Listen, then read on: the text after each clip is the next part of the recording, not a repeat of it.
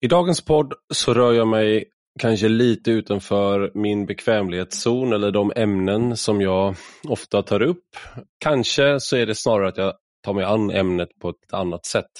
Jag kommer att prata med Torbjörn Elensky och Oskar Svarts. Torbjörn Elensky är författare, kulturskribent och dramatiker. Enligt mig är han en av vår tids kanske främsta intellektuella. För han rör sig mellan ämnen och genrer med lätthet och han är inte rädd för att gå på djupet i frågor som anses kontroversiella. Så han är någon som jag ibland har hört av mig till och frågat om råd i olika frågor för att han redan har skrivit om dem många gånger. Oskar Svart är IT-entreprenör, kanske mest känd i det sammanhanget för att han grundade internetleverantören Bahnhof 1994. Men han är också samhällsdebattör och skribent har på senare år varit väldigt engagerad i frågor som rör piratkopiering, immateriell rätt, fildelning. Alltså. Han har också stöttat Piratpartiet 20, från 2006 och sådär. Men han har också debatterat eh, frågor som rör hbtq eller kanske mer, lite mer avsnävat homosexuellas rättigheter i samhället. Han var en av grundarna till gaytidskriften QX som också driver eh, Cruiser. Och I dagens podd så pratar vi med anledning av en bok som de båda är med i som heter Radikalism och avantgarde, eh, Sverige 1947 till 1967 där Oskar Svarts har ett kapitel som handlar om sexuella minoriteter i Sverige under den här perioden och hur hela debatten förändrades på ganska kort tid. Torbjörn Elensky och jag har pratat om de här frågorna privat men eh, vi tyckte det var ett bra sammanhang att ta det till eten så att säga. Det handlar om de här sakerna. Det handlar också om skillnaden mellan olika delar av det man kan kalla kanske homorörelsen eller hbtq-rörelsen. Varför man, om man befinner sig på högerkanten, kanske inte känner sig helt hemma i den idag och hur det har förändrats över tid. Men nu till dagens gäster. Du lyssnar på Rak Höger med mig, Ivar Arpi.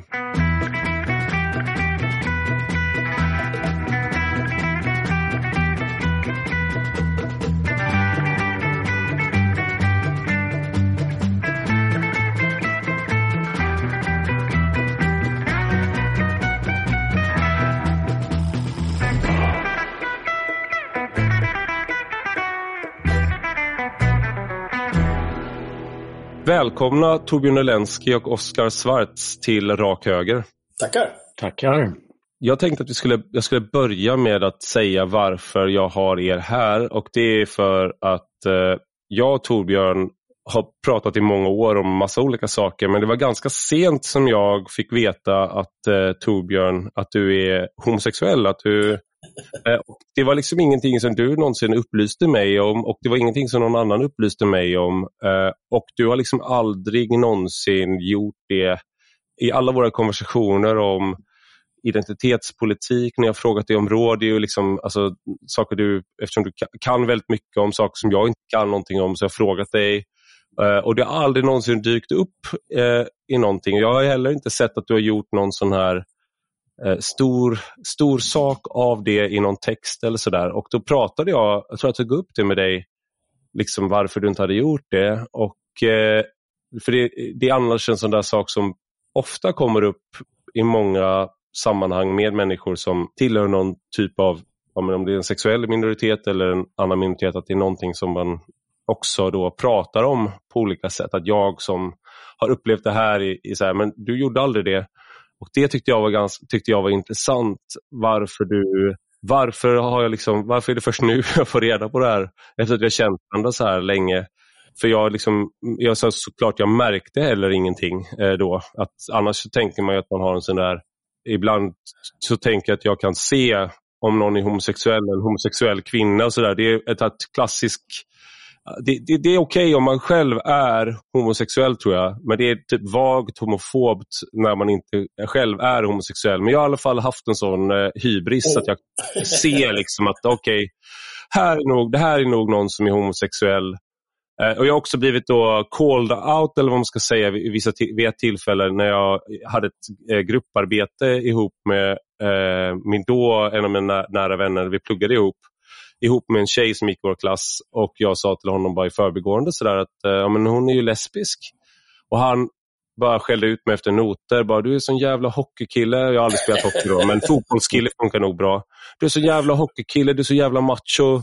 Och bara fatta liksom att människor kan vara olika. De behöver inte vara precis som din föreställning av hur en tjej ska vara. Och sen då nästa gång vi träffades då, ett par dagar senare för, för det här grupparbetet så kom det fram att eh, det precis hade tagit slut med hennes flickvän. Då. Och då kände jag ju mig då var det ju han, då var det ju han som hade varit, inte hade kunnat ta in att hon hade varit eh, homosexuell. Ja. Nu du ska jag sluta prata om eh, min rika historia av eh, liksom, eh, min gaydar och eh, homofobi. Vi kommer kanske in på det. Alltså min historiska, liksom, var man kommer ifrån. Men jag tänkte bara börja då, eh, Torbjörn, med att fråga dig varför det inte har varit liksom en, någonting som du har eh, gjort till, utåt sett till en så alltså, viktig ja, Helt enkelt av den enkla anledningen att jag, det har aldrig varit något problem för mig och jag har aldrig velat göra det till en huvudsak på det sättet som en del gör. Jag menar, man kan ju göra en sorts identitetskarriär nästan om man, om man vill det. Liksom. Jag har alltid tyckt att nej, det där, man ska skilja på sak och person. Det där är irrelevant. Vad jag säger och tycker och läser och kan, det har inte med det att göra. Det är ju dessutom bara mm. en aspekt av ens personlighet och ens erfarenheter i världen. Och så vidare. I och för sig inte en oviktig, men jag har alltid tyckt att det, jag, jag har otroligt svårt, jag tycker inte homofobi, jag har nästan aldrig råkat ut för. Det finns naturligtvis, man kan ju höra sådana här fåniga kommentarer och sådär. Mm. Jag har en förmåga att, låta, att skita i sånt. Jag kan tycka ibland att det nästan är mer irriterande med folk som vill ha en som sitt lilla gulliga husdjur. Mm. det, och det är också anledningen till att ah, jag avskyr det. Jag brukar tänka för mig själv att I'm not your pet. Lite grann som James Baldwin han säger, I'm not your negro. I'm not mm. your pet. Jag gillar inte det där liksom. Kom inte att tro att du fattar någonting om mig bara för det. Så det är inte så att nu när, då det kom, när du, jag säger inte att du kommer ut i min podd nej, men, men eh, nu så kommer det vara så här att, aha, nu, nu förstår jag Torbjörn Elensky, att han är, att liksom alla hans åsikter, nu äntligen så fick jag nyckeln till att kunna förklara vem Torbjörn Elensky är. Ja, om någon, om någon är så dum så får det väl får det väl vara så. Å andra sidan så kan det ju finnas någonting i det där också, för jag tror ju att det är något speciellt med den här erfarenheten att man är så att säga, alltså väldigt många som är bögar i världen tenderar att vara konträra på olika sätt. Man vill ligga före, man vill vara vid sidan av, man sätter liksom en ära i en sorts allmänt också intellektuellt och estetiskt inte bara utanförskap, att man vill vara avantgarde. Man vill veta mer, man vill förstå mer, man vill ligga före, så att säga, alla andra. Det är därför bögar i så hög grad har varit drivande inom mode och konst och kultur och film och allt teater under århundraden. Alltså, det här med att, jag vet inte hur länge du har känt Torbjörn, men den här att man lever så att säga utan att kanske de flesta vet om att man är homosexuell.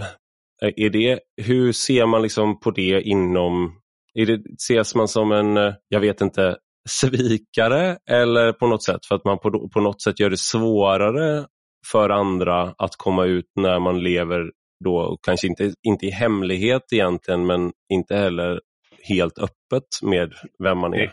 Ja, det kan väl finnas aktivister och, och sådana som är väldigt mycket i de där kretsarna som kanske tycker så.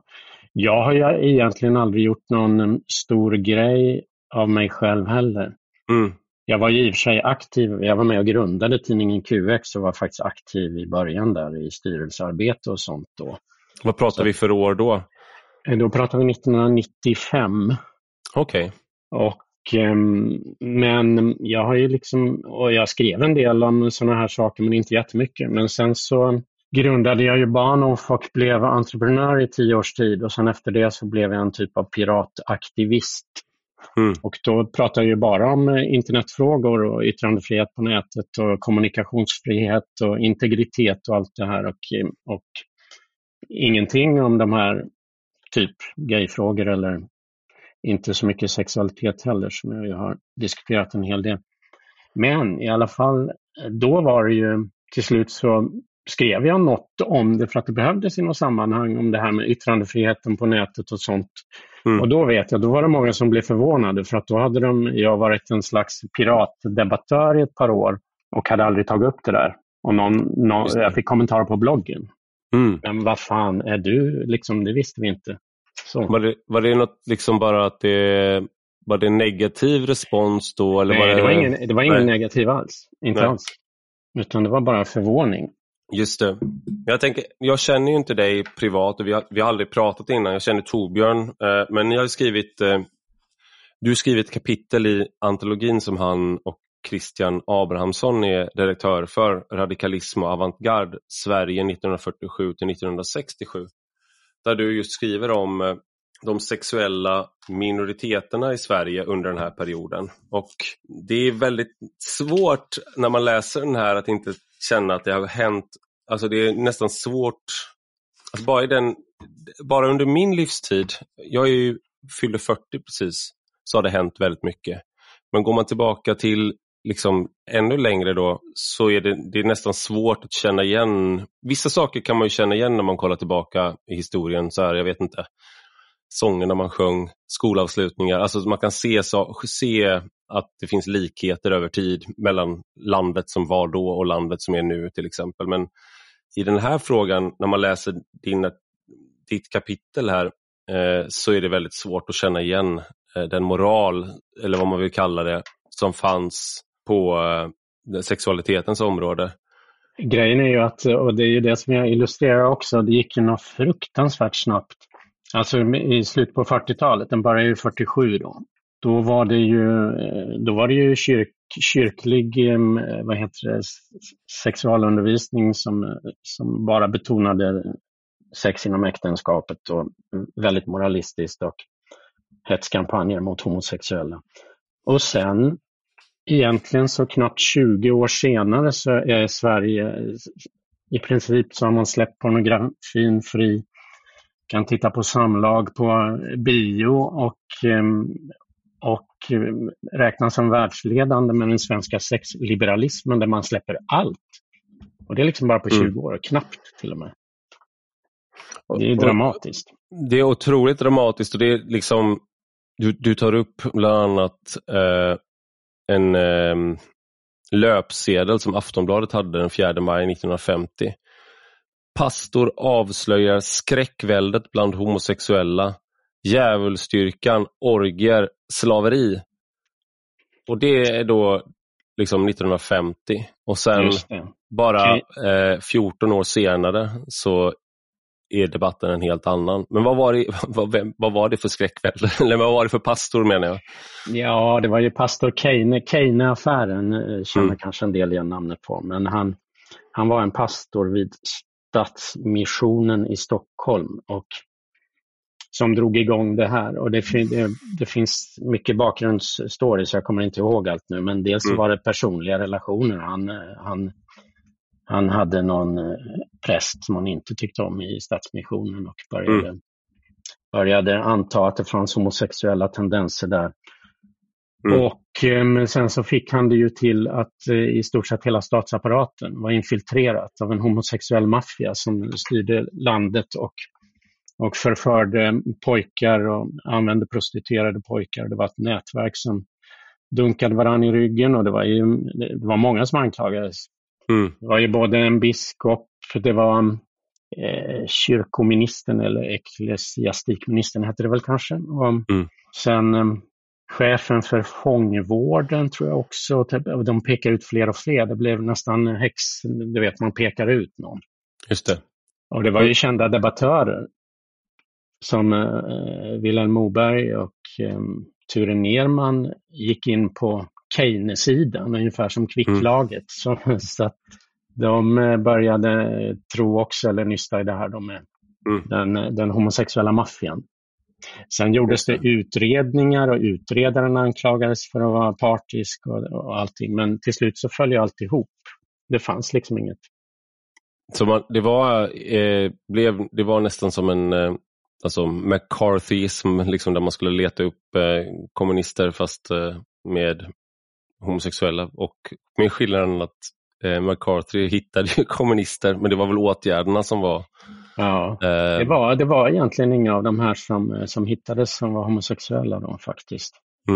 och det här är då eh, just det här att man när i den här perioden, när den här Kane-affären eh, sker, så får det, kan det få enorma konsekvenser för människor om de då, när de blir utpekade som homosexuella. Att du, du, Precis, precis. Sen var det ju nästan samtidigt så var ju, det var ju också 50-talet, eh, Haijby-affären då mm, med eh, kungens påstådda älskare som väl kanske mer var en utpressare och småbandit, men i alla fall.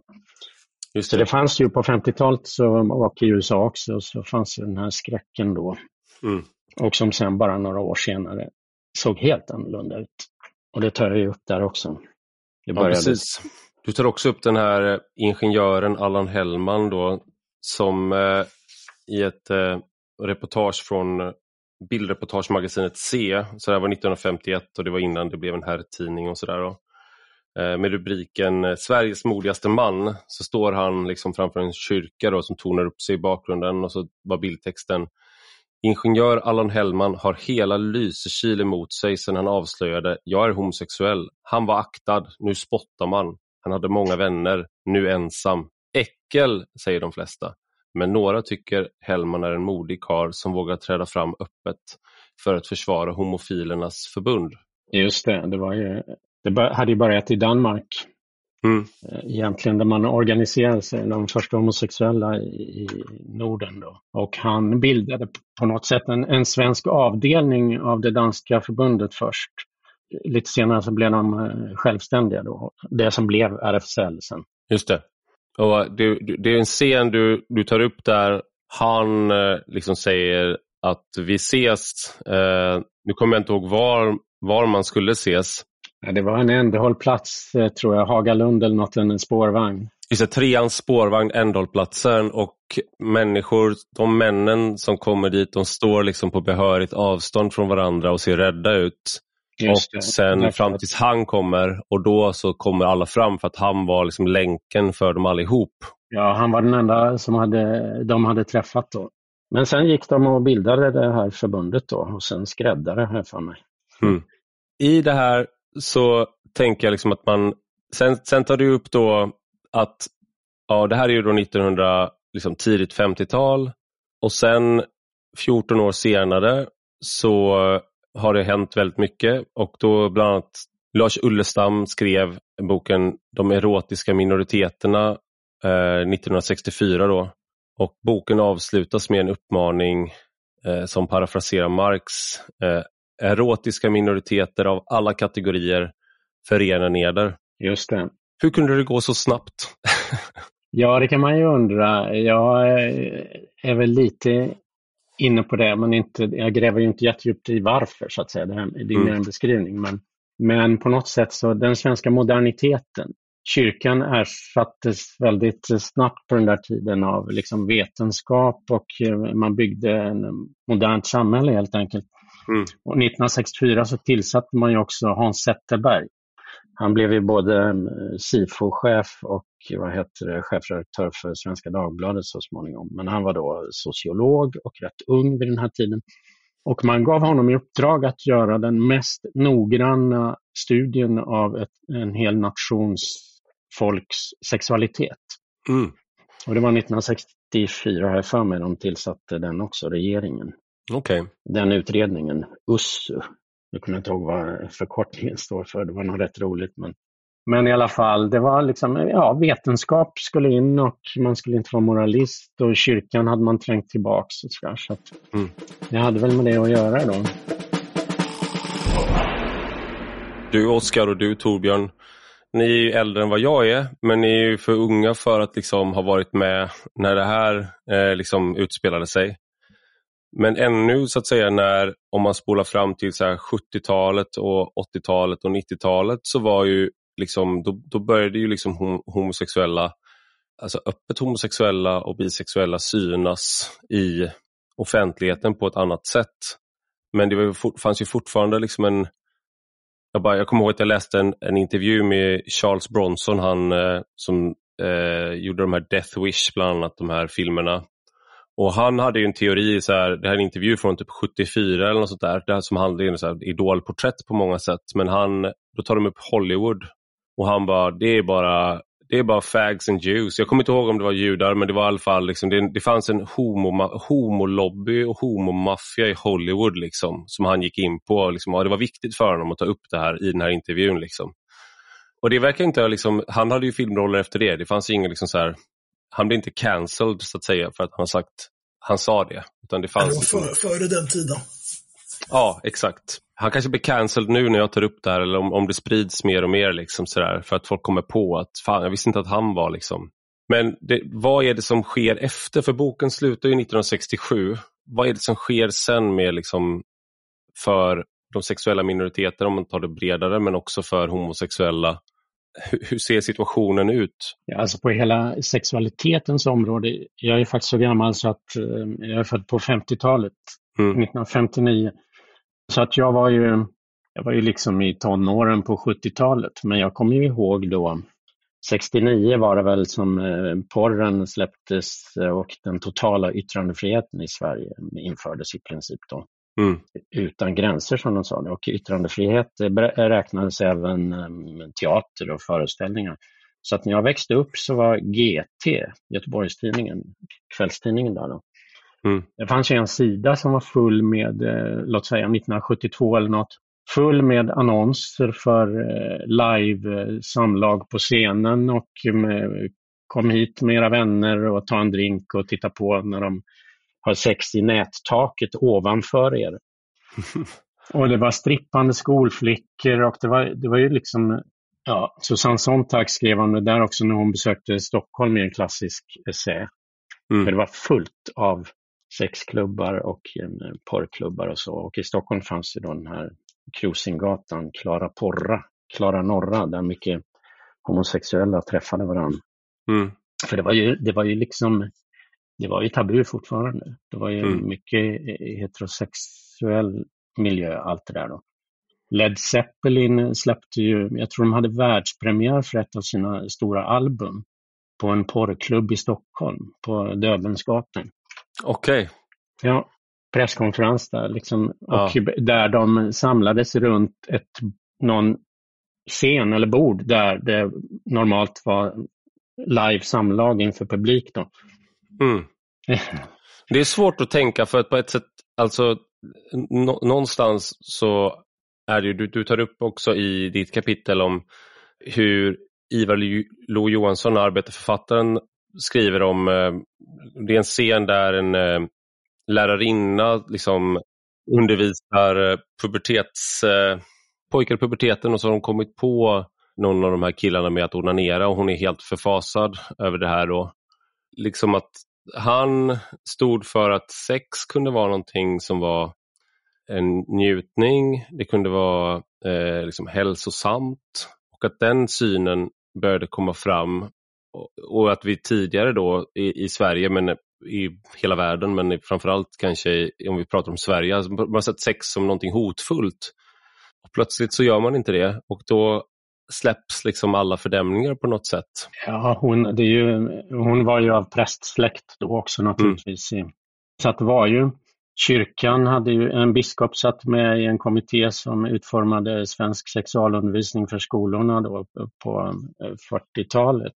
Mm. Och i princip så gällde den eh, ja, lärarhandledningen eller planen då fram till början på 60-talet. Mm. Och då var det en ung kvinna, Katarin eh, Kristina Almark Michanek, som skrev en bok som blev en mycket stor säljare, översattes till flera språk. Mm. Som hette Jungfrutro och dubbelmoral.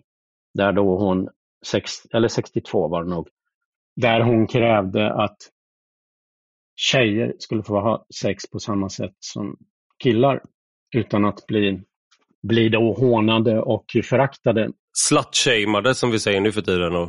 Ja, just det, precis. Och det var ju det som Ivar Lo, han blev väldigt kritiserad eh, för det fanns ett uttryck i den här boken då, Geniet. Mm. Där, där den här läraren du pratade om, han sa till den här prästfröken då att vi måste släppa till flickorna. Mm. Och, och det blev det blev liksom i debatten, massor av tidningar skrev om det där och, och en biskop rasade mot att han ville ha ungmö-offer. Men Ivar Lo, han skrev ju själv mycket om det där. Han blev väldigt fraktad efter det där. Men han skrev själv att vad han ville var ju att um, tjejer skulle få ha sex precis som killar. Det var mm. inte så att man skulle tvinga tjejer att ha sex med dem, utan de skulle få leva ut sin egen sexualitet också. Mm. Precis som då Almark Michanek, typ 15 år senare, skrev en debattbok om som blev mycket uppmärksammad. Jag tänkte jag ska släppa in eh, Torbjörn, du, du försvann, det hör, hör, inte lyssnarna, men du försvann lite på grund av tekniska problem. Men eh, jag tänkte, jag ska, det, det, är ju någonting som sker här rent eh, teknologiskt också, eller vad man ska kalla det, där p-pillret kommer, man, eh, man kan göra, göra abort. Eh, så att någonstans på 60-talet så eh, de här attityderna som kommer där hänger ju också samman med att man för första gången i, i liksom världshistorien så kan man ha sex män och kvinnor med varandra utan att vara så att säga orolig för att det kanske kommer bli ett barn och med allt vad det innebär. Det där är ju en av de viktigaste händelserna i, i världshistorien någonsin och det är redan så att man har glömt bort det redan på något sätt. Jag vet inte. Man tar det för givet på ett sånt märkligt sätt. Men det har ju förändrat förutsättningarna för allt verkligen. Precis, jag tänker att det är många gånger så pratar man om så här, ja men om man ska raljera över manosfären så är det så här, ja, feminismen har gått för långt eller man har liksom, eller att eh, manliga sexualiteten har liksom gått eh, överstyr kan också finnas liksom eh, på andra sidan då liksom att vi, och ibland tänker jag att och, och, så pratar man om idéer och föreställningar och sånt där och sen så tänker jag liksom att Fast själva förutsättningen för vissa av de här sakerna är själva förutsättningen för den typen av feminism som, som man har. Att man kan säga till exempel att kvinnor ska kunna ha sex på samma sätt som män. Det är helt beroende av att de då kan kontrollera sin egen fortplantning så att säga och sina egna kroppar. Det är ju unikt både i världshistorien att det är som det är som nu, men det är unikt även i hög grad i världen skulle jag säga, för det här är ju fortfarande inte accepterat i stora delar av, mm. av världen, så att säga. Jag tänkte de komma in på, jag lyssnade precis på Andrew Sullivan.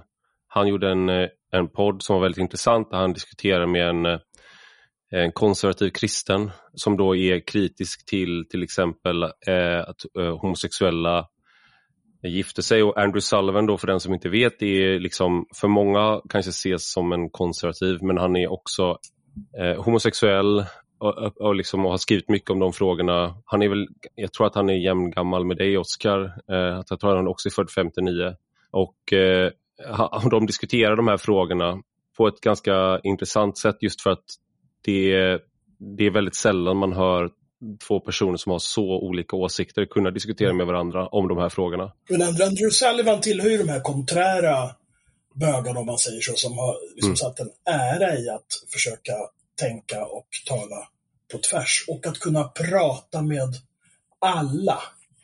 Mm. Verkligen. Han är, jag vet att jag blev tipsad om honom av en, en rätt vänsterradikal gaykompis då för 20 år sedan och upptäckte honom. För han skrev ju väldigt mycket kring Irakkriget och sen när det drog igång Bush och så vidare. Efter Just det. Ja. När, när jag har tipsat folk om honom så har jag ofta fått höra, ah, skriver han fortfarande? Jag, jag, liksom, jag visste inte att han var någon man skulle följa då. Men nu är han en av de här som jag sällan missar sådär, att läsa eller lyssna på. Vad, skulle, mm. vad skulle du säga Oskar? Jo, har ni läst något eller följt någonting av Douglas Murray? Ja, honom har jag ju recenserat också faktiskt i respons. Ah, okej. Okay. Ja, ja. Han är ju en brittisk eh, bildad eh, konservativ homosexuell, men han har ju speciellt har han ju gått ut mycket mot islam. Mm. mm. Och eh, är därför eh, hatad av en del. Vänstern, eh, vänstern och det här med rasism och, och eh, kulturer som inte ser på homosexuella sexualitet som vi har de ju problem med hur de egentligen mm. ska ställa sig.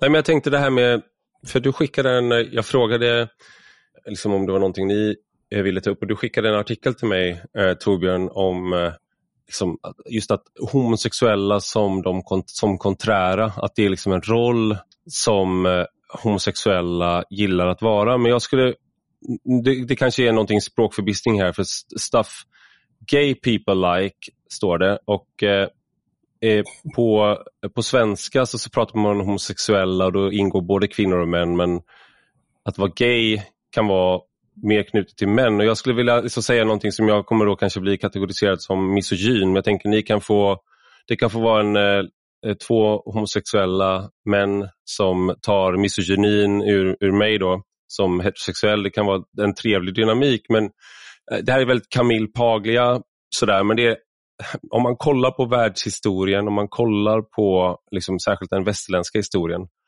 så är det så här, homosexuella män har varit centrala för liksom, konst, teater, film, musik.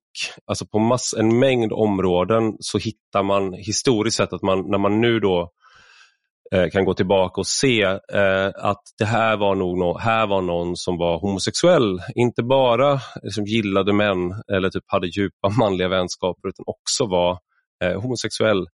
Och det där är ju någonting som då går in lite i det vi pratar om nu med Andrew Sullivan och Douglas Murray. Att till och med de här de bästa konservativa då, som då ska vara hata bögar, är bögar.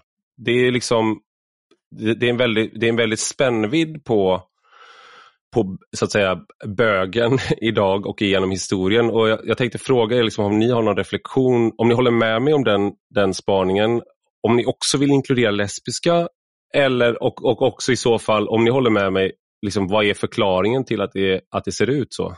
Alltså, alltså det har ju, förlåt mig, men det är ju lite orättvist för lesbiska, för kvinnor har ju generellt inte, bland annat på grund av brist på p-piller, inte kunnat vara lika utlevande och välja så att säga eh, alternativa livsstilar i samma utsträckning som män. Men det finns mm. dock de som har gjort det. Camille Palja nämnde du, jag vet inte, hon är väl i alla fall bi Gertrude ja. Stein är ett paradexempel från början på 1900-talet, jätteviktig mm. för modernismen och så vidare. Och sen när det gäller de historiska då återigen, så är det ju väldigt, väldigt svårt att veta hur olika historiska kvinnor förhöll sig.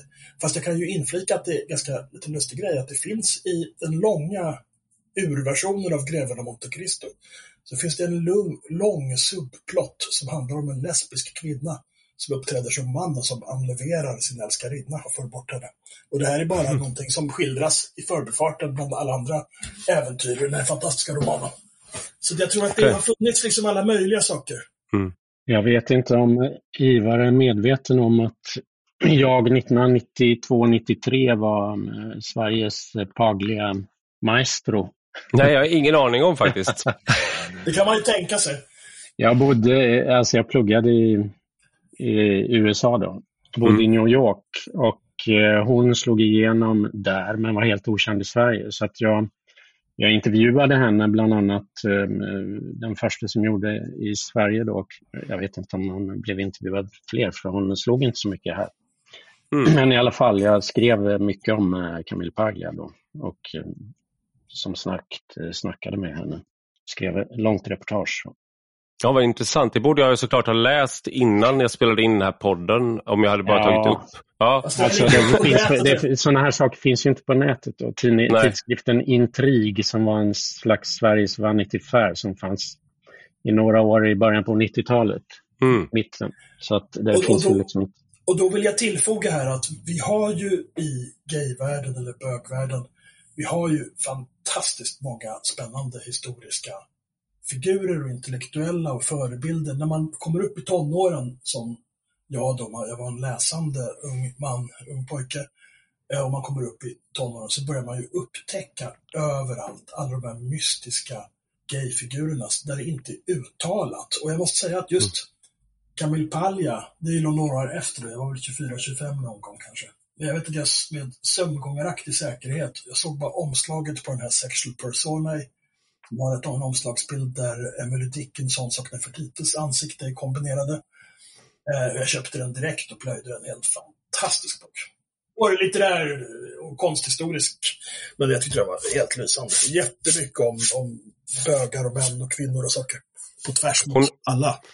Ja men precis, för hon har ju en, en, eh, en sån här eh, freudiansk, kan man väl kanske kalla det, spaning om, om män och kvinnor. Hon har också sagt såna här saker som då att om det inte vore för män så hade vi bott kvar i jordhyddor eller något sånt där. Och det där triggar ju liksom folk enormt. Men det finns ju en aspekt i det här som jag själv kände igen mig mycket i och det är den här att man som man är steril så att du kan inte skapa liv. Du är liksom inte fullkomlig i dig själv och därför så det här är liksom en förklaring till varför män är som män är. Och det, det är såklart finns mycket mer moderna förklaringar om biologi och alla sådana saker men det är liksom att därför vänder sig män utåt mot världen på ett helt annat, på ett annat sätt än kvinnor. Och man till exempel sitter då liksom sex timmar om dagen och försöker bli bäst på gitarr kanske. Eh, man har liksom en, ett, ett sånt där drivkraft som är på något sätt har att göra med, där, du får rätta mig om jag har fel Oskar, men har att göra med den här grundläggande steriliteten och då en man liksom i sin familj är gäst på ett annat sätt än vad kvinnan är eller mamman är. Och ja, precis. Hon, eh, vad heter det, Paglia anser ju då att en, en kvinna automatiskt vet vad hennes, hur hon ska fullända sin existentiella, sitt existentiella berättigande kan man ju säga. Mm. Därför att hon har en livmoder och hon skapar nytt liv. Och den här cirkulära livsskapandet, gen, när hon väl har gjort det så är hon liksom fulländad enligt mm. henne. Sen naturligtvis så har ju kvinnor en hjärna också och, och, och, och mm. som de vill använda. Men den här grundläggande skillnaden anser hon finns där och medan mannen han måste bryta, han måste hitta, han måste skapa sig själv. Han måste göra någonting annat för det är inte givet av naturen och därför så bygger han monument och mm, uppfinner vetenskap. Ja, men, och liksom. ja, mm. men då, då, då, är ju, då är ju gaymannen dubbelt så, för det, vi får ju inte ens barn genom att ha sex med någon. Ja, det, det är ju Paglias, ja. Paglias det, teori är ju det, att, att den homosexuella mannen är, är då ett slags eh, jordens salt. Ja, och det, det är en intressant grej till där, för det finns ju så må, det finns jättemånga aspekter på allt det här. Men det är ju homosexuellas väldigt speciella relation till kvinnor. För det är också en egen kategori. Man har liksom en sorts det finns ju, det ju till exempel homosexuella män som dyrkar de här stora divorna, alltifrån Maria Callas till, till uh, Liza Minnelli. Barbara Streisand. Barbara, ja, kanske hon också. Eh, mm. Men, Sara men, Leander. Ja, Just precis. Det. det. finns ju, det finns ju många sådana där. Uh, alltså Pasolini, den superkonträren fast vänsterintellektuelle då, italienska homosexuella filmaren och poeten. Han var jättevän med Maria Callas. De åkte på semester tillsammans och sådana saker. Mm. Det, det, där är ett intressant ytterligare ett spår som jag, jag får mig att Palja också skriver en del om. Liksom, den här eh, dyrkan av gudinnan, liksom, divan. Nu kommer vi lite in på eh, någonting som jag precis då, just idag så har jag blivit eh, eh, anklagad eller vad man ska kalla det, jo anklagad i tidningen ETC av eh, chefredaktören för att eh, underblåsa eller nej inte underblåsa, men eh, göda terrorism och eh, hatbrott mot eh, hbtq-personer och det med anledning av en tweet jag skrev om eh, de här drag queen story Hours sagoläs som har varit en stor grej i USA, en lite mindre sak i Sverige men det har blivit en successivt en större och större sak i Sverige. Debatten har vuxit över tid. Och Jag har skrivit en tweet och han menar då att jag, jag ska inte, det här jag ska inte försöka gråta ut här, men jag tycker det är en intressant, drag queens är ju en intressant eh, företeelse som kommer ifrån, jag, ni får också rätta mig om jag är fel, men jag, om man ser det från en, just det här med att man dyrkar gudinnor, att man har den där inställningen till det feminina som är liksom på vissa sätt kluvet då för att man inte är attraherad av kvinnor sexuellt.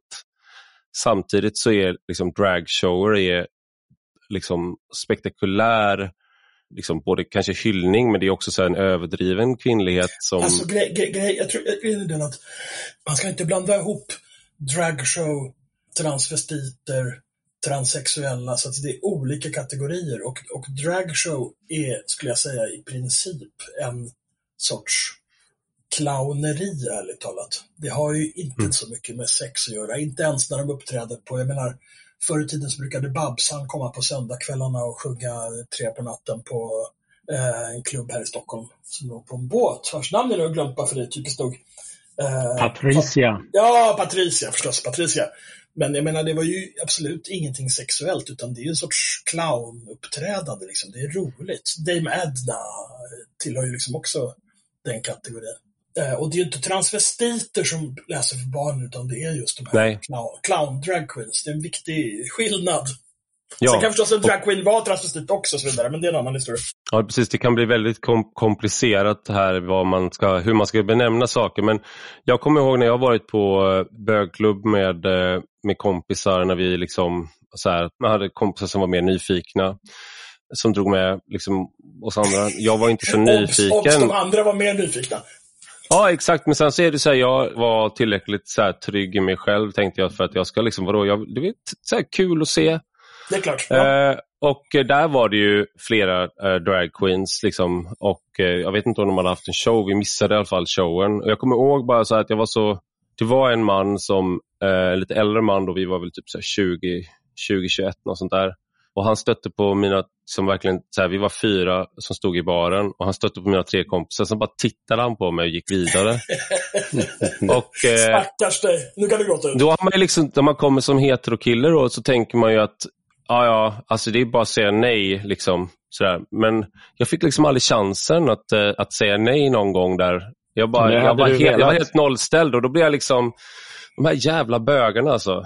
Fy fan, att de, inte ens stöt, att de inte ens stöter på en så att man kan säga nej, jag är faktiskt inte bög. Sådär, så jag var lite kränkt där. Fullt begripligt. Jag tänkte vi skulle också bara, eh, det här då med, för att en sak som är om man kollar på homosexualitet eh, liksom genom tiderna så finns det ju också då en, tycker jag ibland, ni får så säga vad ni tycker, men att man kollar på så här djup manlig vänskap genom historien och nu då när man har möjlighet att faktiskt prata öppet, eh, att benämna den kärlek som inte får benämnas så att säga, så har jag ibland tyckt att man är lite för snabb med att sexualisera djup manlig vänskap. Och jag, jag hörde då i den här podden med Andrew Sullivan som jag nämnde, han tog upp det här att eh, det kan finnas liksom en, få en märklig konsekvens att liksom, den här homofobin som har funnits och som finns att den påverkar då så att man gör det svårare att ha en väldigt en djup, intim eh, manlig vänskap för att man är helt enkelt eh, rädd att liksom, oh, nej men jag är inte, det här, det här bro, bro-uttrycket, här, no homo, att man, att liksom att det där, det uttrycket är så, behöver bara sägas nu för att man kan vara homo. Men, ja, det är. Ju, det är ju en konsekvens av um, identitetspolitik skulle jag säga. Foucault som alla inom det här området pratar så mycket om. Han, han visade att det var ju egentligen först på 1870-talet som, som den homosexuella som en identitet uppstod då. Tidigare så hade naturligtvis folk haft sexuella relationer, men då var det liksom bara en synd, en tillfällig synd som vem som helst kunde, liksom, klart de kan bli attraherade och göra något dumt. Men, mm. men det var först, eh, och så är det ju i arabvärlden till exempel. Det finns en fantastisk artikel i The Atlantic som handlar om Saudiarabien där en, en expat skriver att det är landet där han haft eh, mest och lättast sex med män fast det egentligen är dödsstraff på det. Okej. Okay. Ja. Jag, jag har hört sånt från Iran också. Därför att det, men däremot finns det absolut ingen uh, gay-identitet. Då. Ingen mm, homosexuell. Om, om någon frågar finns det homosexuella här så skulle alla säga nej. Nej. Finns inte. Däremot så är det klart, Däremot har folk sex. Men, mm. men eh, då är det ju så att nu har det blivit så, speciellt efter 70-talet och gayliv och allt det där, så är ju liksom homosexuell är, är då en identitet. Så att mm. jag håller med om att därför så kan det bli svårare att vara liksom homosocial därför att det kan misstänkas att man då tillhör den där gruppen som man inte gör. Och även om det inte är så, så tabubelagt nu så, så kan det ju finnas ja, det kan bli väldigt konstiga clasher tror jag också i vissa invandrargrupper där man just eh, ser det som normalt att man har, man, man kan ha dubbelliv liksom. Det man mm. hört till exempel från muslimer, så, alla muslimer, du vet ju, de har dubbelliv, så de är gifta, sen gör de vad de vill och sådär. Sagt av muslim, inte av mig, obs. Men sen bör man också komma ihåg att det är väldigt många traditionella kulturer, alltså de här sakerna kan ju vara kodade på lite olika sätt, men en viktig sak är att den som är aktiv anses inte vara något annat än en man. Som Jean Genéve. Påsättaren, om man får kalla det det då. Ja, den, absolut. den penetrerande och den penetrerade. Den är, in, den är inte bög, tycker Nej. jag. På spanska eller i Latinamerika i alla fall så skiljer man till exempel på maricones som är då bögar och bugarones som är de som Mm. sätter på. Och de som sätter på, Mm. de, det är liksom vadå? Det är bara, herregud, det är som att gå på muggen eller vad som helst. Liksom. Det är bara... Ja, det är en, ju, en, man, en man måste ha en, det en man ska ha liksom. Nej men det, det är Ja. liksom ingenting som anses vara skamligt eller någonting så att säga. Så kanske man inte pratar om det här bara med sin fru. nej, det är ju, det är ju mycket så i arabvärlden också. Ja. Men är det här då för att jag- jag tänkte jag ska ta upp ett exempel då på en av mina bästa vänner som eh, han var med på den här bögklubben för övrigt. Det var, han var en av de som eh, drog med oss dit. Och vi har känt varandra liksom, och nu är det väl nästan, eh, nästan 30 år. Mhm. Eh, och eh, gillar liksom, eh, ja, vi, väl, vi har varit killar på samma sätt ungefär, liksom, på det stora hela. Han har, det var en sån sak som jag störde mig på, att han, eh, han hade otroligt mycket lättare att få tjejer än vad jag hade. Ja, otroligt typiskt. Eh, och eh, och nu, nu liksom har vi eh, följts åt i livet på massa olika sätt. Så han har eh, familj, jag har familj, fru och barn. Liksom. Men så för ett par år sedan ungefär så kom han på att eh, det är väl en process såklart. Eh, men han kom på att nej, men jag är jag vill eh, liksom, jag är inte attraherad av kvinnor. Liksom. Och jag har nog egentligen aldrig varit särskilt attraherad av kvinnor. Och då tänker man efter så här att ja, vi har ju pratat om de här sakerna genom åren och eh, jag har reagerat på vissa saker som han har sagt om liksom, sin relation till kvinnor. Men det, folk är olika tänker man. Men det var, han, och, och det är de. Och ett sätt som man är olika är till exempel att vissa attraheras av män. Men han har då valt att de, han är öppen med sin fru och eh, de har barn ihop. Och eh, de har ju valt att fortsätta vara tillsammans och de säger att de älskar varandra. Men han träffar män och har sex med män. Och de brukar kalla sig, han, han sa att eh, de brukar kalla sig för en regnmolnsfamilj istället för regnmolnsfamilj. det, det jag tänkte skulle säga, fråga då lite grann, för att på ett sätt så kan man ju se det som att eh, de är båda skilsmässobarn, han och hans fru. Och eh, det har varit väldigt jobbigt för dem med det. Eh, genom, alltså det har varit något som har varit plågsamt för dem under lång tid, så att därför vill de inte göra det med sina barn. Samtidigt, och då kan man, ju, man skulle kunna se det här då som att han kan göra det här inom ramen för äktenskapet. Så man skulle kunna se det som någon typ av framsteg, att det behöver inte vara så stor grej.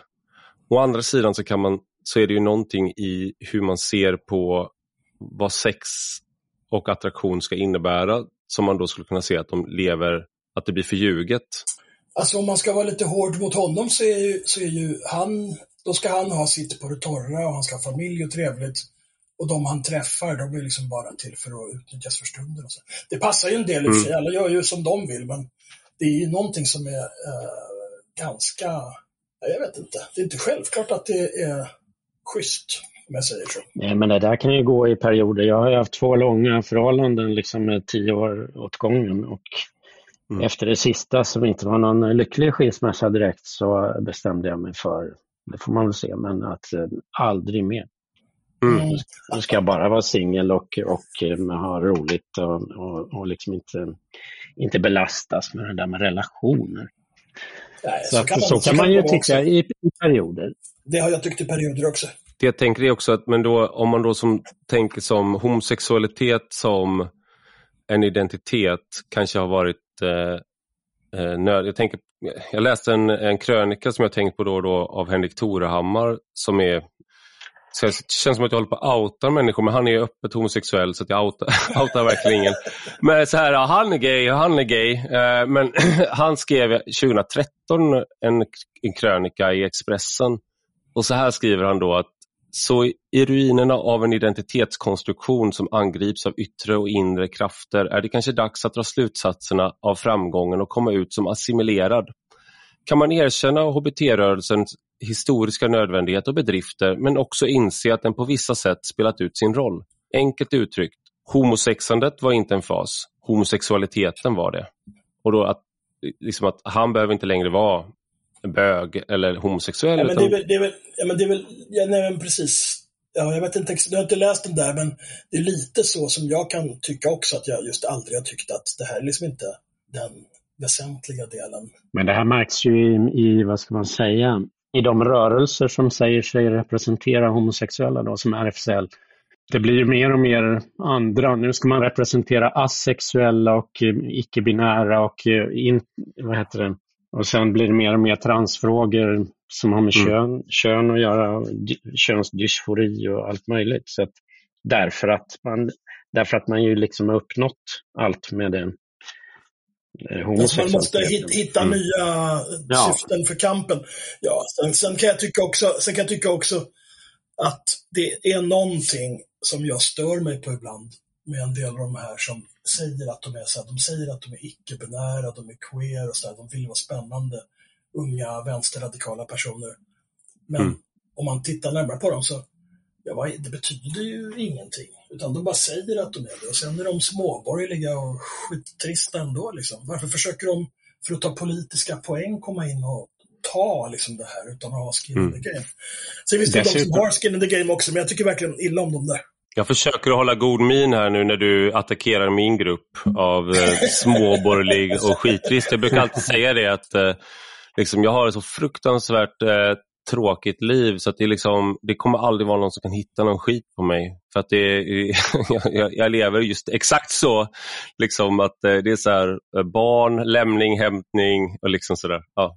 ja, jag, tror, jag, tror, jag tror inte att du tillhör de småborgerliga, men okej, okay, visst. ja, okej. Okay. Jo, en grej som jag stör mig på lite med, med de här, många av de här queera som Elensky tar upp, Ja. Det är ju att de egentligen är väldigt eh, dogmatiska ofta. De är inte alls öppna utan det, det är ju cancellering och deplattformering och sånt ingår ju liksom i en verktygslåda som trans och queer och sånt har. Mm. Tyvärr. Så det är ju inte radikalt, det är ju, det är ju tvärtom. Men hur är det då om man har varit en person som har start, varit med och startat QX då som du har? Om man då nu ser var rörelsen har tagit vägen. För att om man, för, för liksom, man går tillbaka till början av 90-talet eller 80-talet, då pratade man väl om liksom, homosexuellas rättigheter. Och man, det var det som var den, den stora. Eh, och sen nu så är det som sagt att det, det tillkommer bokstäver i den här eh, bokstavsföljden hbtqia. Plus, jag, jag, kan inte alla, men det är, så här, det är two spirits och, liksom, och sånt där också. Och eh, så här, hur, hur, ser man då liksom på, är det så här att man har seg, segrat så mycket att man nästan kan liksom backa, backa ut ur, ur den här rörelsen då, eller känna för det, för att man inte känner behovet av det, eller är det snarare att man blir undanknuffad som eh, eh, liksom bakåtsträvande eller som passé det vet jag inte. Jag har ingen lust att, att vara med i den där rörelsen egentligen. Jag pluggar ju lite på universitetet. Jag pluggar queer-teori och eh, genusvetenskap och sånt för skojs skull, för att se vad som händer där egentligen. Och är väl inte speciellt imponerad. Måste jag säga. Det är ju väldigt politiskt. Det är ju, ja. Ja, men därför, de, de tillhör ju de som är snabbast på att vilja cancellera just till exempel Douglas Murray och hatar Exakt. Sullivan och de avskyr väl Camille Paglia också tror jag och flera andra av de här liksom figurerna. Ja, det, fin det finns ett uttryck som heter homonationalism där, ja. där vänstern kan man ju säga har då fått för sig att högern har kidnappat en vänsterfråga. Och högern bröstar sig nu över att i väst har vi minsann rättigheter för homosexuella och kvinnor och tar upp det på ett liksom nationalistiskt sätt. Detta ska vi försvara mot, och då kan det användas i liksom anti-migrationsretorik och sånt. Mm. Och det är de ju mm. väldigt störda över. Så homonationalism är alltså något väldigt negativt mm. i, i queer-kretsar. Ja, och det, där är väl, ja, det, är väl det, jag, det är väl det jag försöker göra just nu då. Det är så här, först så understödjer jag terrorism mot hbtq-personer. Sen lyckas jag hitta två homosexuella män för att, för att pink, pinkwasha mig själv och min podd. Då. Eh, Precis, ja. pinkwashing är ju de är inom homonationalismen. Man har sett mm. Israel då Tel Aviv är ju en fantastisk, jag har inte varit där, men jag vet ju många som har varit där tycker det är jätteroligt. Det är ju liksom en stor partystad, de har eh, jätteprideparader, jättetolerant och eh, marknadsför sig stort som ett gayresmål. i Prideparken i Stockholm så hade Tel Aviv något eget eh, stånd liksom, med turistinformation och sådär. Och det anser ju då eh, den här queer-vänsterrörelsen är en stor pinkwashing av hemska Israel då. Att man framställer sig som bögvänlig för att få en bättre, mm. bättre vad heter det, reputation. Jag kommer ihåg när Isak Backman, som var den förra eh, ambassadören från Israel här i Sverige, han eh, liksom dansade glatt i Pride-tåget och eh, anklagades just då för, alltså det var som en del i då den här pinkwashingen, men jag kan ju tycka så här att det kan finnas fog för att man använder, Mm, man är bara opportunist så att säga, att man försöker att använda folk och deras frågor för att vinna poäng men man bryr sig egentligen inte. Men finns det inte, finns det inte liksom en finns det fog för kritiken här då, att högern försöker att, liksom, eller delar av högern försöker att använda de här, liksom till exempel tolerans mot eh, mot homosexualitet eh, i väst mot för att säga liksom att eh, vi är bättre eller liksom vi, därför ska vi inte ha fast, fast är att Ja, det andra ledet där kan man ju diskutera, men det är ju bättre. Det är klart att det är bättre med tolerans och öppenhet och att man väljer sitt liv mm. själv. Liksom. Sen kan man nog då i, i nästa led också diskutera och kritisera det här. Är det verkligen våra kriterier för vad det innebär att vara homosexuell som är de enda giltiga? Kanske då till exempel olika typer av dubbelliv som latinamerikaner eller araber kan hålla på med. Det kanske är lika bra på sitt sätt för mm. dem, fast det inte funkar här. Liksom. Ju... Absolut, och, och det, vad heter det? Det finns ju kritik, berättigad kritik då mm, mot eh, ett slags kolonialt synsätt att eh, man ska sprida någon pride-rörelse och regnbågsflaggor till arabvärlden. Det kanske är liksom inte det man ska göra, utan de har, de har ju faktiskt ett, ett slags eh, homosexuellt liv fast det sker på ett helt annat sätt. Och ja, det, kan, det kan ju säkert förbättras och kvinnas eh, situation men det är inte nödvändigtvis så att, att västerländsk feminism och regnbågsflaggor är liksom det man kan börja med. Mm. Men finns det, för jag tänker på min, min, min vän då, som, det finns ju en aspekt här eh, där när det bara är det sexuella eller, eller vad man, bara det sexuella, men när det framförallt är det sexuella och att man lever ut den delen, att man samtidigt inte kan eh, liksom då hänge sig till exempel och leva om en, i en lång relation med någon av samma kön och göra det öppet, liksom, till exempel. Eh, och att man inte kan eh, ha de här andra sidorna som finns i en, eh, i en relation då. Och att därför så är det liksom bättre att ha det som här. Eh, vi har det här att man kan göra det om man vill. Ja, jag vet inte. Jag, alltså, att, att man ska få göra så om man vill också, det, det, tycker jag är helt rimligt. Jag skulle säga att ett av de stora hoten mot gaykulturen och som i förlängningen är ett hot även mot den vanliga så att säga, kulturen, mainstreamkulturen, det är att det har blivit så himla gullifierat. Allt som är gay har blivit så himla, det har blivit så himla fint och gulligt och bra och man ska fnissa i program och alla ska älska slager och sånt där. Jag tycker det är skamligt att vi som i århundraden och årtusenden har stått för avans... Jag är ju ingen egentligen som tycker det är fantastiskt med gayäktenskap. Ja, men det är väl klart. Det kan, väl, kan man väl ha men samma rättigheter. Men, men, absolut. Men, men, men, men, men den här totala normaliseringen, det är liksom det är lite ett hot också. Det blir ganska tråkigt också. Ja, New York Times hade en, New York Times hade en artikel för ett tag sedan där de intervjuade bögpar. Och de sa att första frågan vi får nu när, när vi liksom har förlovat oss eller att de vet att vi är ihop är när ska ni ha barn? Mm. vilket, vilket då en hel del inte alls hade tänkt sig, men det finns nästan en press, menar de på i den här New York Times-artikeln från eh, den heterosexuella världen, att ni är så normala nu, ni ska ju ha barn. Mm. Vilket jag då, personligen så tror ju jag att en av, eh, en av orsakerna till det här med Paglia har då tagit upp att det är så många homosexuella som har gjort spännande saker i historien. Det är ju kanske att det har varit en ersättning för familjen. Man, har inte, inte, man får en mer utåtriktad blick så att säga. En del, knark, en del knarkar ner sig och andra skriver böcker och det, det blir liksom en väldig spännvidd i alla fall. Fast det, där, fast, det där, fast det där är bara en del. Jag tror faktiskt att man också eh, och det gäller inte bara homosexuella, det kan gälla även andra minoriteter, att man kan få en skärpt blick för saker och ting. Man kan få en förhöjd så att säga, förståelse för hur det som andra uppfattar som normalt och gängse i själva verket inte kanske är så självklart som folk tror. Man, man förstår, kan ha en förutsättning att förstå världen lite bättre, ärligt talat. Om mm. man, om man eh, befinner sig i det här lilla utanförskapet också. För man tvingas liksom själv, i alla fall var det så förr, att man tvingades själv att liksom hitta sina sammanhang och konstruera sin historia och leta sig fram. Det var liksom en sorts mysterium och utmanande och spännande. Liksom. Nu är det ju bara en oändlig flod av slager och prideflaggor mm. på Pressbyrån.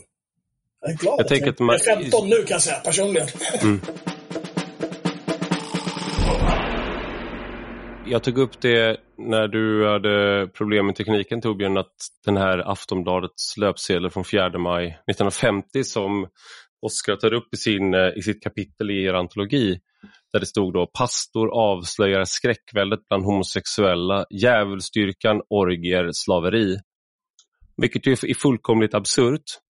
Men, jag skulle också säga, det finns ju någonting i det där som faktiskt kan vara lockande också. Alltså inte att, inte, inte att det var så, men att man har sina egna rum, man har sina klubbar, man kan träffa, alltså så att det finns någonting som är annorlunda och eh, som är alternativt.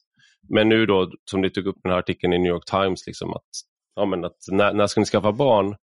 Och då, min fråga är, så här, men är då homosexuella, är det precis som att vara heterosexuell Förutom att man är, är liksom, förutom den man är attraherad av, att det är exakt samma. Är, är, ja. Det finns ju en stor eh, skillnad och det är ju en sak som jag är intresserad av. Jag har bland annat läst evolutionär psykologi nu också, evolutionslära. Och, mm. och det är ju nästan motsatsen mot eh, genusvetenskap som jag tog en examen i alldeles nyss. Och eh, därför att det de inte förstår i genusvetenskapen är de grundläggande skillnaderna på manlig och kvinnlig sexualitet. Helt olika. Och därför så, när män kommer samman, alltså jag anser inte att um, homosexuella män har någon annan sexualitet än, än uh, heterosexuella män. Det är samma, det kan vara olika objekt bara. Men, men då när män kommer samman och har samma sexualitet, det finns ju liksom inga gränser. Nej, precis. Och eh, vilket inte bara är bra. Det kan vara roligt, men, men det är inte bara bra. Vi har ju sett att eh, sjukdomar tenderar att spridas genom intim samvaro på ett annat sätt. Medan då heteros, den heterosexuella världen, det är väldigt klart att heterosexuella mäns sexualitet hålls i styr eller förhindras kan man ju säga av kvinnor därför att de ställer inte upp på det sättet som män gör i den homosexuella världen. Precis. Mm. Och då uppstår jag är ju ekonom också, gått Handelshögskolan och ehm, det är fullkomligt uppenbart att det finns en överefterfrågan på tillfälliga, eh, känslolösa, roliga relationer, tillfälligt sex helt enkelt, från män och en underutbud från kvinnor. Och då uppstår prostitution och liksom pornografi och liksom massor av fenomen då, som är väldigt enkelt att förklara. Men det, ehm, den enkla förklaringen köper man inte alltid då i till exempel genusvetenskapen och feminismen. Utan där män, män, män vill dominera, mäns dominans och könsmaktsordningen och killar lär sig att de har rätt till bla bla bla. Fast egentligen är så grundläggande att det har med hormoner, sexualitet, evolution att göra. Alltså de mm. grundläggande. Sen finns det ju hur mycket individuella variationer som helst. Det finns, det finns kvinnor som är kåtare än karar och gud vet allt vad som alltid kommer upp som motexempel. Då. Mm. Jag har flera exempel i min närhet, alltså nära vänner som där det alltid är tvärtom. Alltså att de är, det är, det är inget tvivel om att de är män liksom utåt sett, men när det gäller deras sexualitet så ser de mer lika då den här klassiska, någon som en kvinna som inte ställer upp, har ont i huvudet och sådär. Och det kan också vara ett problem, eh, för att man, då finns det förväntan där, där, där liksom kvinnan kan känna sig alltså, man vill inte känna det kanske som eh, man är van att känna som man. Det vill säga man lär sig alltid att säga att ta ett nej som man. det är det man uppfostras till, hur man ska liksom, gränssättningar, kvinnors gränssättningar och hur man ska hantera det. Men du lär dig inte motsvarande, du behöver, man anser inte att man behöver lära sig det själv. Alltså att typ, det där kan ju finnas i, ibland kan jag tänka, det var någon, jag såg en komiker som sa det liksom att eh, han hade varit på, han, han, går ut på bögklubb, han heter Mark Normand, som jag verkligen kan rekommendera av många skäl, men han är, väldigt, han är liksom en ny, ganska ny komiker, han har slagit stort nu precis. Men ett, en del då är så säger han just att ah, han går ut på bögklubb till exempel då, och då så säger hans, eh, en del av hans killkompisar ah, jag vet inte vad jag skulle göra om en kille stötte på mig. Och han bara, men säg nej. bara, eller så här, bara, det, har du testat det här med att inte ha sex med honom? uh, det är liksom inte jättekomplicerat, men det, jag tror en del i det är att vara den som kanske är blir jagad eller vad man vill kalla det, eller objekt för någons uh, intresse. Liksom, att det är, man är så tränad som man uh, generellt att det är tvärtom. Så när det sker åt andra hållet så uh, är det många som fortfarande, tror jag, ja, känner sig konfysa. Jag tycker också det är intressant det här med det liksom att när, när, feminism, och, eller vissa typer av feminism i alla fall, tar upp det här med den patriarkala, män vill dominera och allt det där. De eh, har ju ingen förklaring till att när de går och ser att homosexuella män har, eh, som du säger Oskar, att de är väldigt lika heterosexuella män, bara det att det är en annan, eh, det är en annan, det är utbud och efterfrågan för att prata ekonomi ser lite annorlunda ut där. Men det handlar ju inte, man kan ju jämföra där och se att det är inte så att homosexuella män är mer som kvinnor eller något sånt där, utan det är ju, det är så att homosexuella män är män och eh, då ser man det också på eh, hur, hur det sexuella ser ut, sexuella samspelet ser ut. Det var en lång harang. Ja, men det stämmer, stämmer precis. Och det finns ju också då oerhört många nyanser och positioner och, och uh, olika typer av uh, maktspel och saker runt det här. Det gör det ju kring allt som har med sex att göra, men jag tror att i gayvärlden blir det liksom ännu mer accentuerat. Liksom. Och det är kanske mm. därför man också har en eh, större känslighet för och förståelse för det även när man iakttar andra så att säga. Men då är vi inne på någonting, för en sak som vi pratade om Torbjörn för några år sedan, det var när eh, den här höger, av vad man nu ska kalla honom, han har väl gått off the rails nu, men Milo Yiannopoulos, och nu har han ju liksom konverterat till heterosexualitet då genom Bible, Bible studies och sådär, så han har ju gått till ett sånt där straight camp och säger att han nu är straight. Men han var ju i alla fall, anledningen till att han blev cancelled, det var ju att han i en podd pratade om att han hade liksom introducerats till, lärt sig om sin sexualitet och om sig själv av en äldre man när han var, om han var 13 år eller någonting. Och jag, jag säger inte att det är någonting som jag så är, är för och, och rekommenderar. Däremot så är det någonting som har funnits, vad jag har förstått det, liksom, bland homosexuella. Att, och Det finns också den här låten av Elton John i Yellow Brick Road där man anar en sån relation som inte gick så bra. Säg att han var ung och eh, ja, blir, blir sviken av, liksom, eller utnyttjad av en äldre man och sen så återvänder han hem ungefär. Det, alltså, det är en, en tolkning av den låten i alla fall. Och, det, där är, eh, det där är klassiskt även från det gamla Grekland. 13 är mm. lite yngsta laget, men, men, men i alla ja. fall senare i, i tonåren och mot 20-årsåldern och sånt där, det är nog ganska vanligt. Vi har, vi har ju en väldigt känd roman som bland annat handlar om den typen av relation. Den här uh, Dorian Grays porträtt. Mm. Av Oscar Wilde då, som också var en konträr bög får man säga. Men där, mm. där, där är det ju, eh, vad heter han, Lord Henry va? Som introducerar den unge Oscar Wilde till den här konstnären och till den här dekadenta världen så att säga, som han för in honom i. Mm. Eh, det sägs ju aldrig rakt ut att de har en relation, men han visar i alla fall på möjligheterna som finns här i, i den sen har, vi, sen har vi Döden i Venedig som ju inte är någon relation, men det är ju i alla fall en fascination för den vackre pojken. Just det, just det. Och Nej, som men, eh, Thomas Mann lär ha haft i verkligheten också.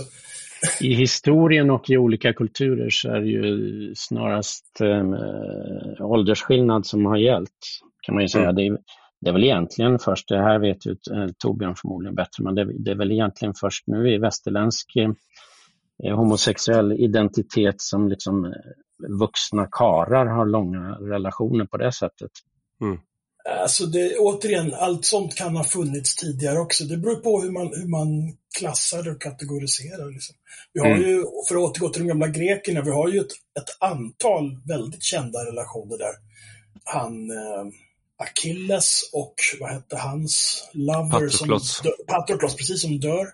Och sen är ju själva den atenska demokratins grundarmyt bygger på de två tyrannmördarna Kleobis och Biton.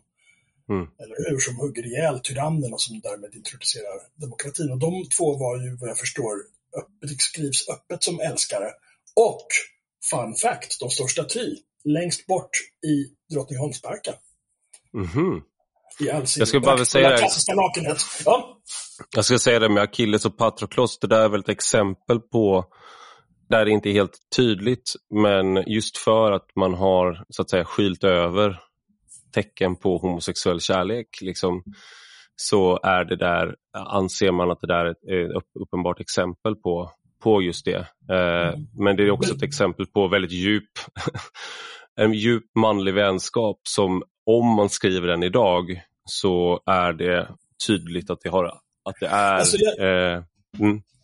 Ja, jag tror att det, det, de här historiska, det är jättesvårt att tolka hur relationerna var. Men man vet mm. ju att så, som vi uppfattar idag så kan man anta att exempelvis då renässansens också centrala författare och konstnärer var i själva verket homosexuella. Marsilio Ficino, mm. som var den första som översatte Platon, Pico della mm. Mirandola som är den som så att säga på något sätt skapade den moderna bilden av människan kan man säga som en fri individ som är kapabel till vad som helst. Michelangelo skrev kärlekssonetter till en ung man som översattes av Sverker Åström på ålderns den delen. Och även Shakespeare skrev ju vissa sonetter som riktades till någon man, antar man. Men återigen, det är jättesvårt att, att, tolka. Hur var det här kodat på den tiden? Hur uppfattade de själva det? Var det ett mm. svärmeri? Var det kärlek? Var det vänskap? Hade de sex? Det är omöjligt för oss att, att veta. För det skriver vi inte. Jag tänker det här är bara en, eh, om man bara tar det här då med en, en, en väldigt ung, en ung man och en äldre man. Om vi då pratar om att vara ihjälkramad av så att säga normsamhället eller sådär och eh, så finns det ju då, blir det tydligt i vissa exempel där eh, vissa saker sker bland homosexuella män som kanske inte sker bland heterosexuella par. Att när man upptäcker sådana saker så kommer den här liksom förfasandet tillbaka på något sätt. För att då visar det sig att det kanske inte var så exakt samma som man hade tänkt sig. Vad menar du för någonting? Att eh, till exempel att eh, det, det, kan finnas att, en, äldre man introducerar en yngre man till eh, liksom att, man, att det finns den typen av relationer. Att man har sex med flera till exempel, eller att, man, då, att män, homosexuella män har, har i snitt haft fler sexuella partners än heterosexuella män. Fast det intressanta eh. med det här är att, eh, vad jag förstår, så stämmer inte det här riktigt. Eh, och framförallt stämmer det inte riktigt längre, utan det är en sorts lite förvriden bild man har fått av en ganska liten grupp som har varit väldigt, väldigt aktiv. Jag menar, nu, nu har väl även straighta par i anmärkningsvärt hög grad olika typer av swingersparty och vad heter det, dogging och folk beter sig liksom. Jag har själv träffat folk som har berättat, då, för de tycker att det är kul att berätta också om det, uh, vilka fantastiska fester de har. Helt straighta personer liksom. Jag har aldrig varit på någon sån fest med bögar. Alltså här, om man, om man... Sådär, men inte på, inte på någon sån fest med. Om man tittar, om man tittar på, på liksom, eh, ja, vetenskapliga undersökningar där man faktiskt försöker ta reda på hur många sexuella partners folk har haft så är det ju det är ju konsekvent stor skillnad på homosexuella män och, och liksom, eh, heterosexuella. Så är det ju. Därför att det är så väldigt mycket lättare. Jo. Så att det, det tror jag man kan slå fast faktiskt. Ja, det, jag, ville bara, jag, jag ville testa den tanken bara, men att det finns just den här när det då är till exempel två män som lever tillsammans och har en annan typ av, alltså en kärleksrelation. Jag vet att eh, en, eh, en bekant till mig berättade för mig vid ett tillfälle när han skjutsade mig eh, och vi hade chans att prata lite mer än vad vi hade haft innan, att han hade en kärleksrelation med en man eh, men att de hade liksom sex både med män och kvinnor tillsammans och det är ju väldigt så att säga annorlunda jämfört med parnorm, heteronorm och sådär. Och då tänkte jag liksom bara att det var liksom en, eh, eh jag undrar om han skulle vara med då till exempel och kramas ihjäl, i något sorts, om, om det du var inne på Torbjörn, liksom att med slager och liksom så här, att han skulle kanske inte sitta i Så ska det låta eller vad det nu är, liksom för att det är för det, det, det, är inte konstigt kanske om du pratar med eh, homosexuella eller med, med, med, med, folk som, som umgås med människor av kött och blod. Men det är inte tillräckligt kosher för att synas då ändå. Så här, jag har ju läst vetenskapliga eh, undersökningar också. Det visar ju sig att homosexuella män de kan mycket väl vara ihop hela livet så, men efter typ sju år eller något så, så är det mycket vanligt att det blir sexuellt öppna förhållanden. Man mm. fortsätter leva ihop och sådär, men, men, men har sex på varsitt håll. Okej. Okay. Det, mycket, det... Mycket, det är alltså mycket vanligare än hos heterosexuella enligt undersökningar. Då. Att leva fast, fast, fast Oskar, visst finns det ganska mycket, jag menar Tinder, jag har en god vän som använder Tinder, han passerade 50 när han skilde sig eh, och han sa att han träffade, så han kunde träffa en ny kvinna i hans ålder eller däromkring. Eh, från 30 uppåt i alla fall, i stort sett varje dag och från innerstan och välutbildade och med barn och allting. Eh, och som sagt det här med swingersparten, jag vet inte hur stort det är, men det verkar ju ändå som att de håller på med sånt. Jag kan, ja, jag kan det finns. Det finns. Till, men sen återigen, så, så är de är ju ganska, de är ju fler än vi, så att om, om ett fåtal av dem håller på så, så märks det väl ganska mycket antar jag. Det är i alla fall på det stora hela färre kanske, det är det väl. Rent statistiskt så, så kan det ju se ut eh, som att, man, att, det, att det sker i större skala än vad det gör då. Men eh, anekdotiskt så känner jag också människor som har öppna förhållanden i, i ganska ja. stor, alltså, stor absoluta tal är ganska många, men, men, men, proportionellt kanske det är ganska få. Eller hur? För de är ju majoriteten då, ni. Ja, men precis. Breeders. Ja, exakt. Du började ju prata lite om kanske det här, eh, det var olika åldrar på förhållanden. Mm. Jonas Gardell håller på med någon slags, som jag anser en, en vad ska man säga, det är en heterosexuell backlash. I, han börjar omvärdera sitt liv. I ett sommarprogram så, han gick ju ja. på Klara Norra och um, raggade karar när han var i sena tonåren efter vad jag förstår. Och nu har han börjat då, han sa att mitt nästa projekt blir att omvärdera det där, för nu inser jag att jag var utnyttja. De borde inte ha, liksom, de borde ha förstått att, att det, det, där är inte bra för mig. Fast han var där hela tiden och liksom ville upptäcka sexualiteten och raggade. Det är ju så han har beskrivit det. Men nu då, nu då så tittar han tillbaks på det och för mig känns det väldigt kvinnligt faktiskt. Mm. Men jag vill säga, Jonas Gardell är hedervärd och han har skrivit flera bra saker och sånt där. Men han är också... Han har, skrivit, han har gjort jättebra saker, ja, absolut. Men han är ju också själva epicentret i den här slagernormaliseringen av gaylivet i Sverige. Så man kanske kan hoppa över honom. Om man är intresserad av lite allvarligt hård bög med fin kultur, liksom, lite intellektuell nivå, lite även. Jo, men det här, det här sista sa jag ju därför att vi ska ju vara lite bögdissidenter. Jag tycker jag, ja, ja, jag, gillade inte, jag gillade inte när han sa det här i sommar nu. Nu ska jag omvärdera, omvärdera allt jag har gjort. Varför ska han göra det? Stå, stå för det du har gjort och din attraktion och, och eh, skyll inte på andra plötsligt. Eller hur? Och stå det blir, även det, för blir någon, det blir någon sån här um, prata om det som Johanna Koljonen körde efter den här Assange-historien. Men det, det, är också, det är också den här grejen med att eh, om man pratar med manliga eh, brottsoffer, men så är det någonting som skiljer dem från kvinnliga brottsoffer ofta i att man behåller sin agens i, i hur man beskriver det, till exempel unga killar som blir rånade, misshandlade och liknande. När man frågar dem om hur de har upplevt det så finns det ofta, de resonerar kring hur mådde de som gjorde det, Eh, liksom, och att det finns, man ser, man har svårt från forskarnas sida att hitta den här, det perfekta offret så att säga. Mm. Jag vet inte om det är någonting som går att eh, att det kan finnas, man kan teoretisera om att det har att göra med en förljugenhet, att man inte kan erkänna sin egen sårbarhet till exempel. Det kan finnas aspekter av det. kan också vara så att man då inte, om jag tänker då som Jonas Gardell som är ung till exempel, han, hade agens, han upplevde det då som att han hade agens eh, i de här, men om det hade varit, eh, han, han hade varit en ung tjej så har vi liksom hela föreställningen om att män är de med makt och kvinnor är de som är underordnade. Och då skulle det varit kanske någonting som han snabbare hade omvärderat i sitt liv för att eh, han då insåg att jag, jag, jag trodde jag hade agens. Jag trodde att jag, jag, trodde att jag eh, utforskade någonting som fanns hos mig själv. Men egentligen så var det bara riktat mot de här männen med makt så att säga. Det han sviker på sätt och vis sig själv som ung där också. För att han måste ha glömt bort då hur eh, nyfiken och drivande och äventyrslysten man kan vara i, i tonåren. Alltså. Har man, den som inte gjort dumheter i tonåren, den har ju missat något väsentligt i livet skulle jag säga. Sen kan det jag gjorde inga dumheter. Skad. Nej, naturligtvis.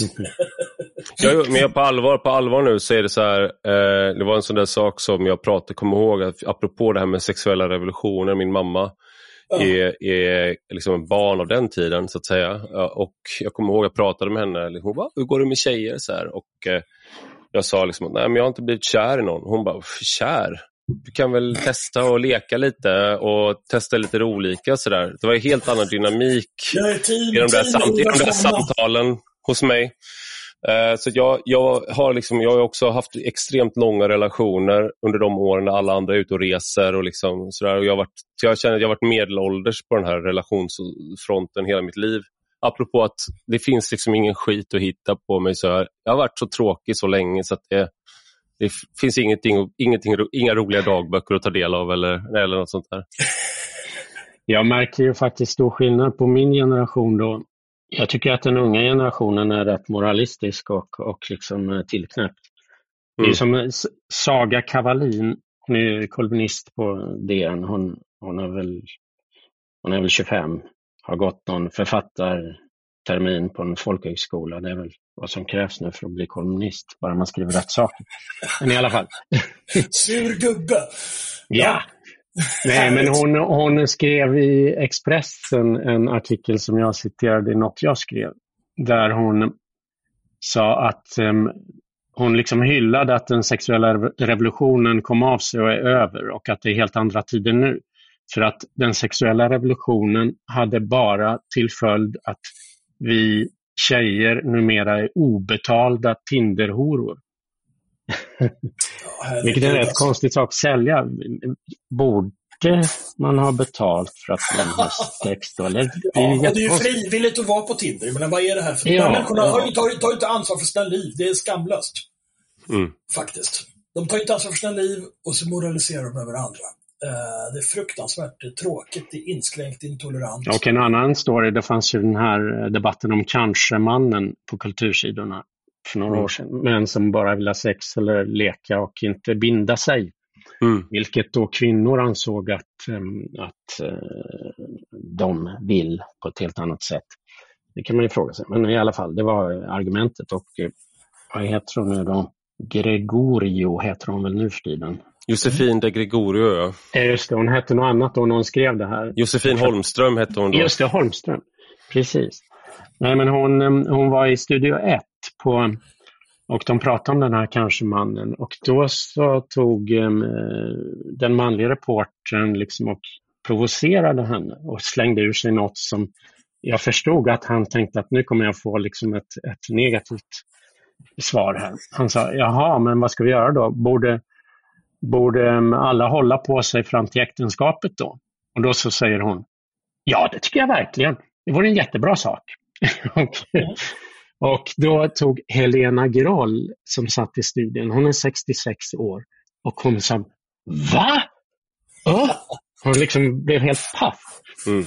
Och det är liksom en annan generation då. Ja, fast mm. samtidigt är det ju någonting, det är ju någonting som är liksom radikalt och lite... Jag kan förstå att man har lust... Nu vet jag inte exakt hur gammal Josefin är, fast jag känner henne nu. Uh, men hon är väl 30 någonting väl? Jag tror precis 35 något sånt. Ja, men jag kan förstå att den där generationen också, att man gör så och vill säga så. Alltså man vill ju vara, inte bara bögar utan även andra vill ju liksom vara konträra. Man hittar ju hela tiden nya grejer genom att gå emot och så vidare. Mer eller mindre Mm. mekaniskt. Men, men eh, och det kanske inte är bra, men det är så det är. Och det gör ju också att vi kan vara ganska säkra på att det kommer komma en ny frisläppt generation snart igen också, så att säga. Det växlar hela tiden. Jag tror inte riktigt, eller jag, jag har svårt för de där cykliska argumenten vad gäller väldigt många saker. Alltså att jag tror att man, eh, jag tror inte på det. för de ju. meka- Ja, men jag, jag, jag, ja, men jag tror att inte, jag tror inte att de stämmer riktigt eh, helt och hållet heller. Men jag tror att eh, eh, när det gäller det här så kan det ju vara så också att den sexuella revolutionen, om den på något sätt frigjorde kvinnor som du, du tar upp då i, i ditt kapitel om hur det var i Sverige, vilka krävde liksom den sexuella fri, frigörelse, så var det kvinnor och sådär. Men det finns ju aspekter av liksom den här frigörelsen från eh, biologin som p-piller och liknande innebar, som också påverkar hur män ser på varför de ska gå in i relationer och vilk, vad som krävs av dem. Och kvinnans frigörelse gör ju också att män frigörs i vissa avseenden som kanske inte är 100% positiva. Så att jag, jag kan ju förstå att det finns en kvinnlig eh, så att säga, syn på de, här, på de här sakerna där man inte är helt nöjd. För att män har också förändrats i och med det här. Alltså det är inte så att du... Absolut, det finns ju, det finns ju eh, många kvinnliga skribenter och feminister som anser då att den sexuella revolutionen på 60-talet, det finns både i Amerika och i Sverige sådana som har skrivit om det, att det var ju egentligen en frigörelse för män, tycker de i efterhand. Det gynnade inte kvinnor. Utan det, men, det finns till och med Hjördis Levin kom 1986, tror jag, 87 med en bok som var väldigt uppmärksammad då. Jag kommer ihåg den. Den hette Testiklarnas herravälde om sexualmoralens historia. Och hon, hon hade ett argument, hon skrev att sexuella revolutionen, det blev bara, en, bara ännu mer stressigt för kvinnorna när p-pillret kom. Därför att då, då togs det främsta argumentet vi kvinnor hade för att neka männen samlag togs bort när, när de visste att vi gick på p-piller. Så, att, så då menar hon att det blev ännu mera press att ställa upp. Ja, men du behöver inte skydda, du, du har ju skydd. Ställ upp nu då.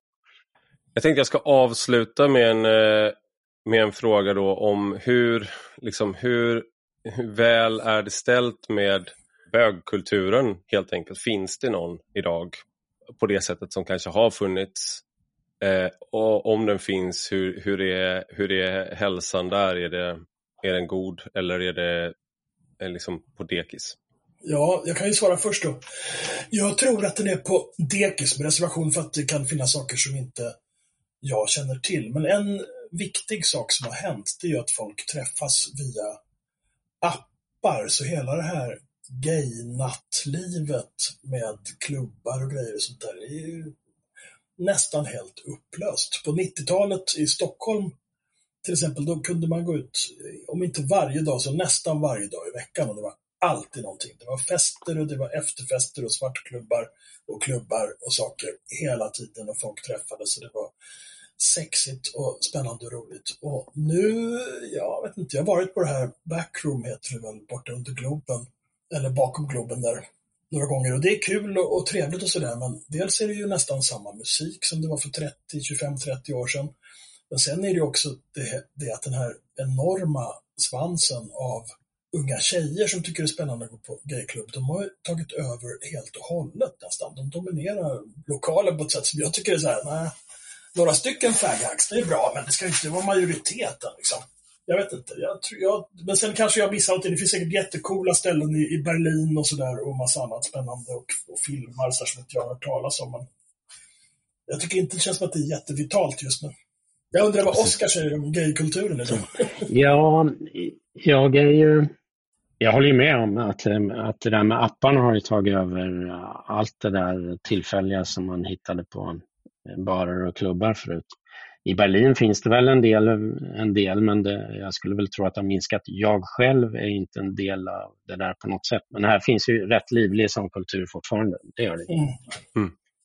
Ja, runt Och, eh, men ja, annars är det ju mycket, men det är ju så, folk är mycket mer integrerade nu.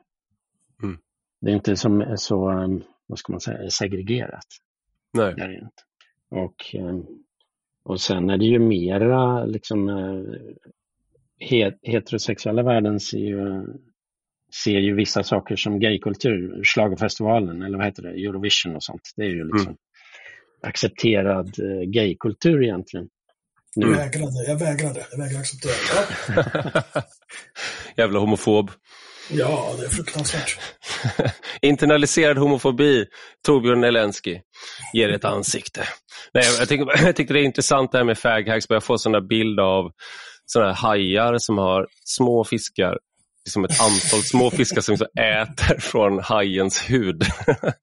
så varje haj har liksom så sju fiskar och så här, en eller två fiskar som äter på ens hud, det är fine. Liksom, men 20 stycken som följer runt, det blir för mycket. Liksom. Man måste kunna träffa andra hajar. Liksom. Precis, exakt så. Mm. Stort tack Torbjörn Elensky och Oskar Svarts för att ni var med i Rak Höger. Okej, okay, tack. Tack själv. Och stort tack till dig som har lyssnat. Gå gärna in och skriv en recension på Apple Podcasts eller i den app där du lyssnar på podden. Och detta är alltså en del av en större publikation på Substack med samma namn som podden. Och den som prenumererar där kan även ta del av de texter jag skriver. Gillar man det man läser och hör får man gärna bli betalande prenumerant för 5 euro i månaden eller 50 om året. Då får man ta del av lite exklusivt extra material också. Du hittar rubbet på ivararpi.se. Och har du några frågor eller synpunkter kan du alltid mejla mig på ivararpi.substack.com. Vi hörs igen.